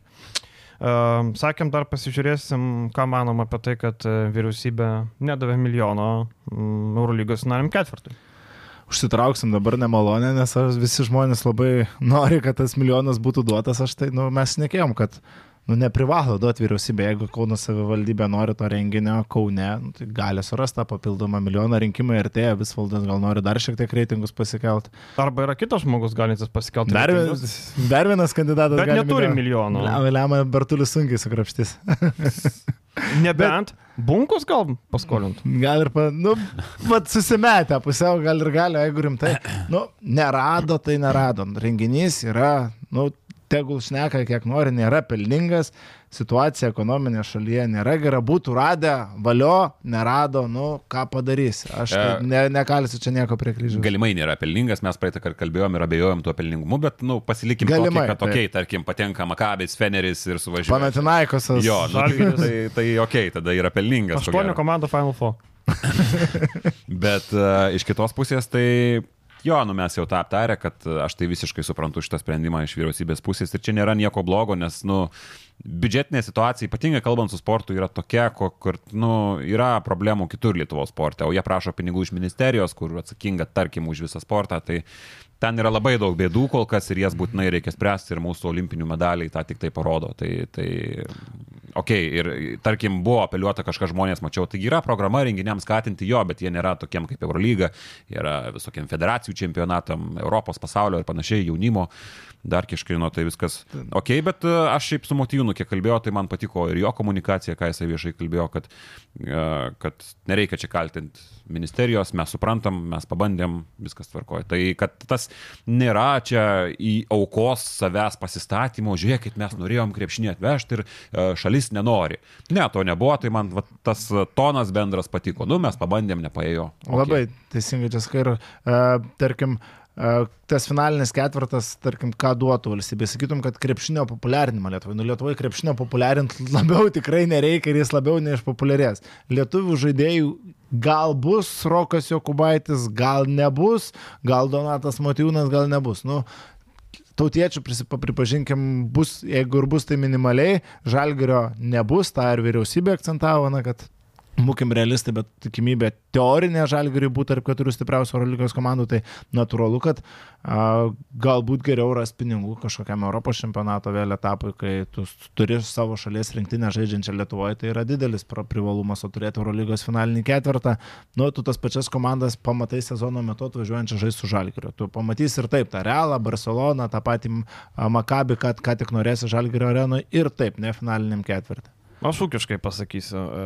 mes norim kompensacijų už elektrą, kad pigesnė būtų, norim e, kompensacijų už dujas, norim kompensacijų dar, tai ir norim Eurolygos finaliniam ketvirtų. Tai gal geriau tegul duoda kompensaciją už elektrą, turbūt būtų visiems naudingiau, nes daug žmonių nusispjautas krepšinis ir Eurolygos finalinis ketvirtas, jiem labiau svarbu, kad už elektrą būtų ta kompensacija. Ir aišku, atsiranda ten tas... Jo, bet čia skirtingi biudžetai, žinai. Ne, taip, bet aš šiaip tiesiog žiūriu, kad... Ja, bet sakau, atsiranda tas krizių. naratyvas irgi, oi, tai eglutėm suranda pinigų. Tai pirmas dalykas, eglutėm tai suranda savivaldybės, ne vyriausybė, vyriausybė eglučių nekompensuoja, gėjų paradams suranda, nu taip, suranda, nu tai irgi žmonėms reikia gal pasivaikščioti gatvėm. Bet ne tiek, ir ten Ir ne tiek, finansuoja, ir- gėjų paradus finansuoja Taip, ir- e, visokios e, ambasados. Ir nu, švedų, čia yra norvegų. visiškas vatabautizmas, kaip aš mėgstu sakyti. Tai, a, tai kad kažkur pinigai yra skirstomi ne- netolygiai, ta prasme, ar skiriami ten, kur nereikia, nes tikrai faktas, kad pinigų yra mėtoma daug ir a, a, nereikalingiams dažnai projektams. Ir iš tos pačios kultūros ministerijos aš kartais pamatau ir iš sporto, kai būna federacijų finansavimai, tu pamatai, kokios federacijos gauna kokius kartais pinigus. Ypač tiek- rankinio. Labai minimalius varganus pinigus. Žinot, kad ir- Vingio parke dabar grybą stato už ten keliasdešimt tūkstančių. Ne, Tiesiog grybą. grybą. Fantastika. Tai va, tai tokių dalykų tikrai yra, bet, nu, a, žvelgiant objektyviai, tai tu negali pykt, kad nėra lemo oro lygai. Tai jeigu situacija, pavyzdžiui, būtų normali, nebūtų tos krizės, kaip sakant, išteklių krizės, kad dujos pabrango, elektra pabrango, kainos pakilo, e, būsto pas, paskolos pakilo, viskas pakilo, gal normaliam sąlygom ir būtų davę tą lemą. Dabar nublemba, manau, kad tai kažkiek neteisinga, nors tai vyriausybės biudžete, valstybės milijonas, nu yra lašas jūroje, bet milijonas prie milijono, dabar Final Four duoda, dabar ateina kiti, sako, mes norim rengti čia irgi renginį, duokit mums šimtą, kitas penkiasdešimt, dar susidarys milijonų. Nereikia įsivaizduoti, kad pasaulyje yra sporte tik krepšinis, kad Lietuvoje yra tik Apskritai, kad-. Taip. Pirmoji vieta yra krepšinis visur. Nublemba, e, pasižiūrėkim, kad e, krepšinis taip pas mus populiarus, bet e, kiek žmonių, nu, tas Final Four visiškai pabarabano. Tai jie net nenueitų iki ten. Ir dar vėl, kiek mes tų turistų sulauksim, čia yra labai diskutuotinas Tai dalykas. Ir dar vienas momentas, tai baisiausia, kad visi pinigai eina už bilietus Eurolygai. Ir Mhm. e, eis didžioji dalis lietuvių ir dar tiesiog belegiek šaibų išvažiuoja iš Lietuvos. Taip, taip. Ir mesgi ten skaičiavam, kad lietuviai sumokės už bilietus, tai iš Lietuvos pinigai išplauks į Eurolygos kasą. Taip, ir išdalins visiems klubam. Tai, Nu, tai va, apie tai ir daina. Tai viskas suprantama, nors aš kaip kažkio gerbėjas, tai norėjau Final Four, tai viskas tvarkoja. tai aišku, mes visi Nu, norėtume, mes, bet nu, tai kiti nenorėtų, tai reikia suprasti ir tai. Tai va, tai čia, kaip sakant, e, nieko nepadarysi, nors gal, kaip sakė Matijūnas, menka viltis yra, bet e, vargu. Aš sakau, visvaldui lemą dabar ištrauk čia būtų, ojei, prieš rinkimus iš viso galėtų va taip, tada įeiti. Bet dalyvaus rinkimuose iš vis. visvaldas dalyvaus. Taip, paskutinė, sakėm, pažiūrėsim, kas vakar lygoje įvyko, o vakar įvyko įdomių dalykų. Šiaip e, Madrido realas, nu, turėtų Pablo Laso numerį jau surinkti, e, nu, matom, kad ne bet kas gali treniruoti komandą. Nu, Čiūsas tą Mateo- klapčiuką jau nuimti reikia paliusuoti. Nu, blemba, tas Čiūsas Matevo, nu, nevaldo iš tos komandos. E, Man jo sprendimą žiūrėjau visą antrą dalį. Nu, blemba, Čiūsas Matevo labai silpnai pasirodė ir jo sprendimai, vėlavimai, keitimai, vėl laikomasi to savo durno principo, kuris prie laso nešė sėkmę. Jis jo e, laso sistemą visą naudoja. Taip, bet, e, nu, prie jo neneša. Jis realiai kol kas savo sėkmę, už ką jis yra žinomas tam didžiojoje Europos krepšinio arenoje, pasistatė ant laso bazės, nusitikim. Taip, taip, taip. Kaip e, Parkeris ant Kleizos aukso filmą pastatė. Taip. Bet tai geras gynėjas, tarkim, dabar išgelbėtų dar, net, nu nesakau, kad reikia jau čia gelbėti realą, bet ar tai būtų tas impaktas, kurio reikia realų šiuo metu? Pakanka talento, visko pakanka. Tiesiog. Tai, Tiesiog bardakas, nu yra bardakas. Tu turi jabuselį ir jisai per 2-5 minutės vieną metimą išmeta. Pirmus taškus pelno, kai jau šikna dega, kai jau reikia gelbėtis, kai jau ten buvo visiška šikna. Komanda Eurolygos čempionų kalibro. Čia yra, Taip. su tuo reikia sutikti. Poirija neišnaudojamas, nu iš esmės tragiškai. Virtusas nėra, ypating, nėra ypatinga komanda, matėm, nuo Partizanų į vieną uodegą gavo. Ne, negryžo ir turnykė nebuvo nieko skirtingo, bet Virtusas buvo geriau paruošto komanda. Skariolai ispanai pasitiko gausiais aplodismentais, nu be abejo, nu, kaip, kaip kitaip. Ir Skariolo parodė ispanam, kad aš esu geras treneris, moku treniruoti ir galiu apžaisti jūsų Čiūsą Mateo. Tai kuris... Toje pačioje Vizing Center arenoje ir buvo tas karališkas pasitikimas ispanų, tai dar ką tik šventė toje pačioje arenoje Skariolo. Gal e, metas realų įtraukti, tarkim, tokį kozirį kaip Svairopolas? Gal aš manau, kad jeigu toliau, nu 2-3, tokio kalibro komandai ir apsilošus Zvezda tragiška ir Pau išperdus pergalį išvyko, nu čia nėra startas. Čia yra niekas. Ir šiaip Mateo dabar labai traukia tas savo klasiko, kuris buvo dar prieš sezoną super taurį iškovota, tai kol kas ant to kredito dar labai gali važiuoti. Jeigu ne ta pergalė, jeigu ten būtų pramazinė, pramazinės realas, tada, nu, dabar jau klibėtų ko gero kėdė. Bet šiaip realas labai tiki savo žmonėm, dėl ko yra labai mylima krepšinio pasaulyje šitą organizaciją, kad jie labai tiki savo žmonėm. Bet žinai, tikėjimas turi būti kažkokio pagrindo. Kol kas dėl Mateo pagrindo. Kol kas nėra... pagrindėlis menkas yra paklotas prieš sezoną. Na, tai. tai menkas pagrindėlis prieš sezoną, praėjusiu metu LK klasiko finalai laimėti. Ne, aš nesutinku su šituo, plėšykit man marškinius, viską draskykit. Aš ten ant laso. Jo, aš Taip, bet vis tiek Mateo buvo tuo metu. Čia yra tas pats, kas, na nu, gerai, ne tas pats. Čia kaip Šileris ant Šaro sudėties. Nelyginsiu Maskoliūnas, kai būdavo paimdavo pergalę, čia nesąmonė prie, prie kai Šarą šydavo, ne, atsiprašau. Bet, uh, nu, ta prasme, matėm, aš galiu pasikartoti tą pačią situaciją, kur Tendesos finalą tikrai nuodugniai labai stebėjau. Uh, finale, finalo serijoje Laso nedalyvavo tiesiog vienoje dviejose treniruotėse. Jis ruošė komandą. Paskutinės rungtynės sėdi Laso tribūnos, Čiūsas Mateo su lapeliu dairosi į tribūnas, kur čia Laso, ką čia parodys. Jo, bet nu. aš tik norėjau pasakyti, tikėjimą tai galėjo pridėti, žinai, šito treneriu, nes vaistinė. Tai, aišku, tai tai ir tai padarė. Tai, tai aš dar sakau, kad iš to kreditas ir eina. Aš nesakau, kad ten buvo indėlis, aš sakau, kad iš ten kredito atsinešė. Žinai, ką parodo tribūnai, jeigu būtų žinojęs, ko baigsis. Vidurinį pirštą. Atsisuka Mateo, ten Laso vidurinį pirštą rodo. Sūkis kaip nori dabar. Nu, sako, daryk, ką nori, broliu, aš atleistas. Um, toliau, uh, šiaip vakar dar Žilvinas šiaip kėlė klausimą, ar Laso atleistas dėl lygos, ar ne. Tai vis dėlto Žilvinas dar neįsiaiškino. Tai galim priminti, kad Laso pats pasakė, surengė garbės ir orumo spaudos konferenciją, pasakė, kad yra sveikas ir gali treniruoti. Sveikas kaip ridikas. Vakar Olimpiakosas pirmą pralaimėjimą išsirašė Monakas. E, Monakas individualių talentų ištraukė. Bet tai tiesiog atėjo Olimpijakos laikas pralaimėti. Nu, tiesiog to, tokio lygio yra Eurolyga, manęs kažkaip visiškai nenustebino. Gal nustebino, kad namie tas pirmas pralaimėjimas. Prieš gerą komandą, negali sakyti. Lloydas, Okobo, kada reikėjo patraukė Lloydas. Okobo, fantastiškas mačas. Maikas Džeimsas labai gerai padėjo. Tik Donatas Matejūnas krenta žemyn, žemyn, žemyn, minutės rolę. E, Pradžioje prieš falą ten buvo taip tarsi neblogai, po to pamatė, kad su juo negalima žaisti, tai Holas geriau, ką geriau atrodė. Ir kažkada aš taip ir galvojau, kad susidurs su Olimpiakose su ta bėda, kuomet Tylerio Dorsi tu nepakeiti niekuo, nes Aizija Kenanas, nu... O Lorenzakio fuksai baigsis. ne visada tai yra fuksai, bet iš esmės kažkada, ne visada tikrai jisai bus geriausias šeštas žaidėjas Eurolygoje, bet su Kenanu kol kas blogai. Ir kažkada buvo laiko klausimas, kada rimtai susidurs su šitą problemą, kai gydyba neveiks, kai jis turi tokio žvėriško potencialo komandą kaip Monakas. Tai atėjo dabar, tai nenustebino visiškai. Mane kas liūdino Pantaikosas. Taip, vakar prieš Makabį 11 taškų pralaimėjimas, bet man nepatinka tendencija, kad Grigonis tampa Ponitkos dubleriu. Ir vakar Grigonis į ketvirto kelnio turėjo vieną naudingumo balą, nieko, ketvirtam kelnį pataikė tritaškį, ten išprovokavo pražagį, įmetė dvitaškį, tai susirinko statistika nebloga, bet kas matė mačą, tai supranta, kad e, Namarius į ketvirto kelnio nieko neturėjo ir man labai gaila, kad ta tokia rolė, mes prognozavom, kad jis bus vos nepolimo lyderis, kad daugiausiai, matėm, per pirmą pradžią. Bet dabar matom, kad Ponitka yra tas žmogus, kuris uh, turi svarbesnį rolę ir Marius pasisilinko tą tokį pagalbinio vaidmenį. Tai dar ateina Beikonas, tai iš viso Grigonio minutės labai stipriai su, sumenks. Ar Arba Bohoridžio.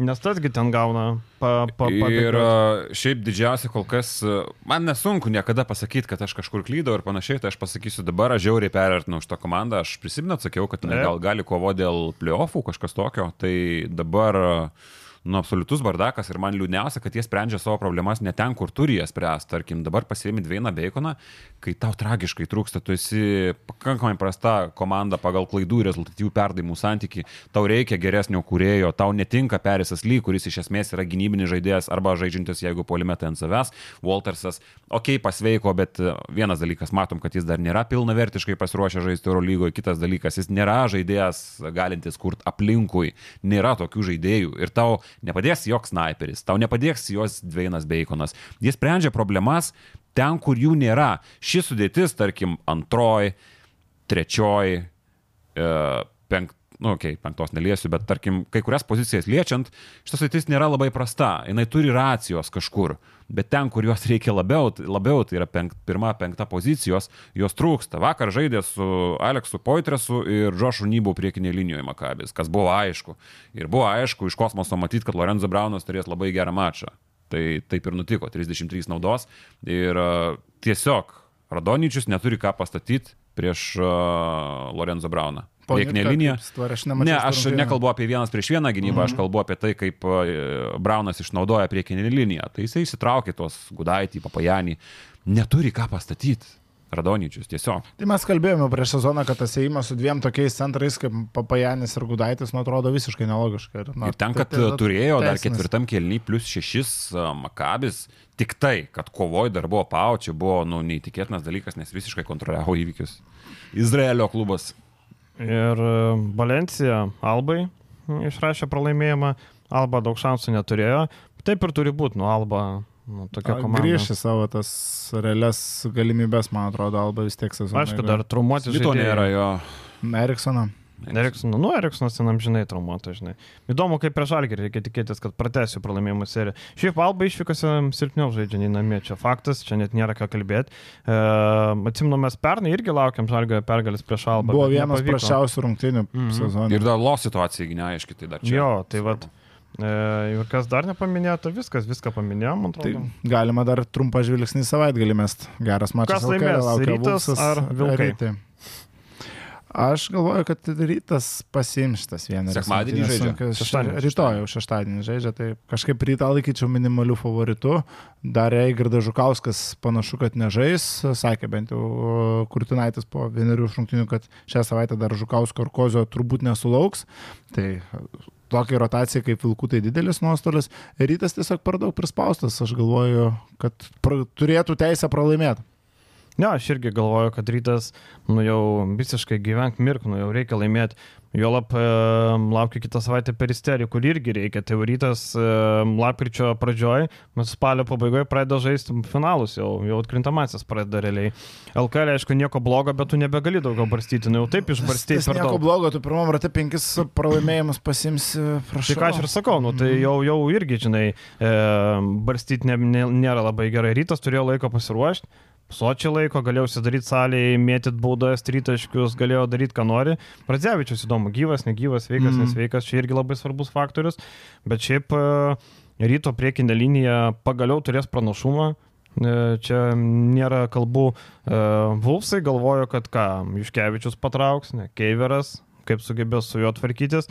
Ir aišku, kiek žiūrovų bus palaikančių ryto, kiek žiūrovų bus palaikančių Vulsus. Nes šiaip labai įdomu. Nedaug bilietų buvo likę. Bet man atrodo, kad e, labai daug e, ryto fanų važiuoja. Taip, taip. Pakankamai taip, geras, sakom, geras ažiotažas e, kilo iš Vilniaus pusės. Ten ir B tribūna labai jo. agitaciją paleido, aš įsivaizduoju, kad ir vien B tribūnas, taip spėčiau, virš poro šimtų tai tikrai bus, dar paprastus rytos ir galių bus gausiai dalis alitiškių dzukų tankų bent jau tai tikrai palaikyti tikrai ne Vulfsų, tai atmosfera turėtų būti labai įdomi. Aš tai manau, kad į ryto pusę netgi labiau gali būti. Mm, kad palaiky, kad, ta prasme, skaičiam, gal bus daugiau žmonių palaikančių Vilkus, tai faktas, bet atmosfera tai baigit čia. Net ne, ne, ne, taip, taip. net nėra ką, apie ką kalbėti, kad Vilkai žais lik išvykai, čia šimtas procentų. Bet uh, Lietuvoje renkasi žiūrovai ir matėm praeitą mačą irgi buvo daug žiūrovų su šiuliais. Mm. Tai vad, Nes, vadinasi. nes gerą darbą daro. Vadinasi, mes klydom. Jo. Mes Klydom, klydom. jo, nu, pavyzdžiui, tai sakau, nežinojom, kokį darbą padarys galbūt ir, ir tie patys vilkai, bet tie patys... skirs Aš nebuvau namų rungtynėse, bet matosi iš tų klipų, kurie, kurie jie daro. Nu ir užkulisiuose marškinėlius pardavinėja, dėmesys, užimtumas kažkoks, nu tai pačiu arenu mes ten apšnekėjom atmosferą kažkokią kūrimą, vedėjas ten kažkoks mm. lempinis, bet jis Ne, yra tas vedėjas. vedėjas, tarp kitko, yra anegdotų Lietuvos čempionas prieš ką 15, nežiūrėdavot, prieš ką 15 metų Lietuvos anegdotų čempionatas. Kryžius, man atrodo, ne? Kas toks? Ne kryžius? Nežinau, aš jau, bet čia tu, savaišė čia yra tas iš vieno pirmųjų tų Lietuvos anegdotų čempionatų nugalėtojas ar antros vietos laimėtojas. Nu, tai pasamdė veikėją gerą. Tai- Tai vilkai daro gerą darbą ir jie pristraukia tos žmonės. Čia dabar gali sakyti, aišku, va, pavyzdys kitiem klubam, bet, nu, vilkai disponuoja pinigais. Aišku, čia viskas Ir kainuoja. pažiūrim į pinigą. skaičius. Lietkabelis šiuo metu pirmąją pagal lankomumą, bet jis turėjo iš trijų mačų, turėjo rytą ir žalgerį, o namie e, 2661, Volsai trečioje vietoje 2024. Neturėjo nei ryto, nei žalgerio dar. Faktas. Rytą tik tai turės. Na, aišku, ten buvo su narystėm, kas, kas, kas yra prenumeratoriai, e, gaudavo nemokamai, bet e, perkančių buvo irgi labai daug. Tai žodžiu, Volsai tikrai susirinka. Ir jau sekėjų Facebook'e 30 30 tūkstančių, 6 O kiek buvo? 6 tūkstančiai. Šeši. 6 buvo, dabar O, papa. 24, bet, nu, žinai, tai yra filipiniečiai, kiek, kiek tau iš naudos ateityje bus ir... Bet jau siautai ten komentaruose vėliavėlės, ten gifai. temą. u. Bet tokia tenais, ne, nežinau kaip apibūdinti, stumykla netiesioginė su tais filipinų komentarais, ja, tau vieto kaip žmonės nesigaudo. Ja. Eurolyga jau tenais, nu, Juanas jau tenais taras, koks geras aikštės matymas. Pasakė. Šiaip tas filipinietis toks atrodo sudėtas neblogai. E, Kamuolis ten nusiemė, gynyboje, nežinau, e, nu, nieko blogo nepadarė, aišku, prieš prienus. KMT rungtynėse. Žinai, metimus e, toks persigandęs buvo, matėsi, toks makis didelė, žinai, toks biški drebantis. Pabaig. Bet e, aš kaip tik to atvedas įsiūlė lažybas ir 5,5 taško. Iki... Bet LKL. Ne, tai LKL. KMT. 5,5 taško iki sausio pirmos dienos. Iki kalėdų, sakiau, nes dar ten laukia Nu. dar vienas mačas, bet... Sausio pirmą dieną. Matai, ar galima pažiūrėti Vilkų tvarkaraštį prieš rytą, jis nežais, prieš žalgerį jis nežais. Garždai ir prienai yra. Prie- Gar, garždus ir prienus realu, kad gaus minučių ir vat, pataikys į krepšį ir bent į lanką čia jau. Nes kol kas faktas tas, kad LKL aplinkoje pateko žaidėjas iš pirmų rungtynių, ką matėm, regionų krepšinio lygos žaidėjas. Kol kas taip atrodo. Nu, nu Bet- kūnas ne regiono krepšinio Nu, lygos. kūnas ne, bet e, technika ir skilsai, įgūdžiai visi tai akivaizdu, kad e, iš regionų lygos. E, Su visa pagarba regionų krepšinio lygai. Bet aš manau, kad neturės gal 5,5. Bet ne vidurką, aš vis sakau, kad iš viso 5,5 taško neįmes. Iš viso? Iki taip. kalėdų, iki naujų metų. taip. Sausio pirmą dieną Tu fiksuojam. tai čia lengvi pinigai. Kad- Ne, tai Bet aš- tai yra du ne, mačai realiai. Garždai ir prienai, jis per tos mačius Ne, šiaip taškus. dėliai. Įdomumo dėliai. Tiesiog gali mūsų klausytojai irgi komentaruose spėkit. Bet tai galim lažintis. Galim. Iš ko? Pietų. Gerai. Galėsim, va, po kurio podcast'o Gerai. norit papietauti. Pas, pasieksi. Tiek to. Gerai. Įmes tikrai. Iki kalėdų? Ik- Iki kalėdų, imam iki kalėdų. Žiūrėk, bet jeigu mačas. paliuosuoji anksčiau laiko nesiskaito. A, ne, ne, ne, paliosavimas dar į ma- į mano įeina, bet nepaliosuoju. Bet Ne. tik LKL. nu, čia prasme, LKL, KMT. LKL, KMT neskaito. LKL. KMT tai Pizdu tinka. Gerai. Gerai. Tu sakai ne. Tai mes su Vilium sakom taip. Aš manau, kad iki sausio pirmos LKL. 5,5 taško. Taip. 5 dar man tinka, 6 jau tau. Taip, taip. Taip. Mum. Jo, ok. Mum. Gerai. E, tai va tokias lažybas turim. Šiaip įdomumo dėlį jūs irgi parašykit komentaruose, kaip manote, iki sausio pirmos. Tarp kitko, rungtynės. Su Diljano. Rytu, su Neptūnu, su Prienais, su Žalgiriu ir su Gargždais. Lietkabeliu ir su Garždais. Prieš Algerį 60. Nu, turėtų mes, turėtų mes. O, matai. Klausyk, e, to atvedai. Aš to iš Ai, karto dar pieno išduosiu. žvaigždės, blemba. Aš to išduosiu iš karto. Aš paskambinsiu Algimantui. Jis paskambins Rimui ir stavkė pais. piet, dėl pietų, sakai, pitbulį. Paskambinsiu Algimantui, sakys, klausyk, Algi, mes stojam seni korešai, darėm turinį viską. Klausyk, paprašyk Rimo, kad, nu, plemba, nu, kad būtų. Porą derinių. Bet matai, esminis dalykas, taškai krepšiniai yra skiriami už kamulio įmetimą į tą skilutę. Vat reikia, kad Bet kamuolys ten įkristų, jeigu bet kamuolys neliečia lanko. Jeigu duos situacijų, tai blemba. Bet vis tiek kamuolį tai jam pačiam reikės. O tu nepradėsi paskui vartytis, kad turėjo būti žaidim, Ne. žaidimo taškai. Čia baudų metimai ne, nesiskaito. ne, ne, Gerai. Gerai. Su pusė taško tvarkingai. Viskas. Jūs irgi parašykit, kaip manote. Mes, ponas Diljano, šešis taškus iki sausio pirmos ar neįmės. LKL, KMT nesiskaito. Viskas, ačiū Jums, jeigu jau klausėte iki galo, tai laikas, subscribas ir grįžtam kitą savaitę. Ačiū, iki. Iki.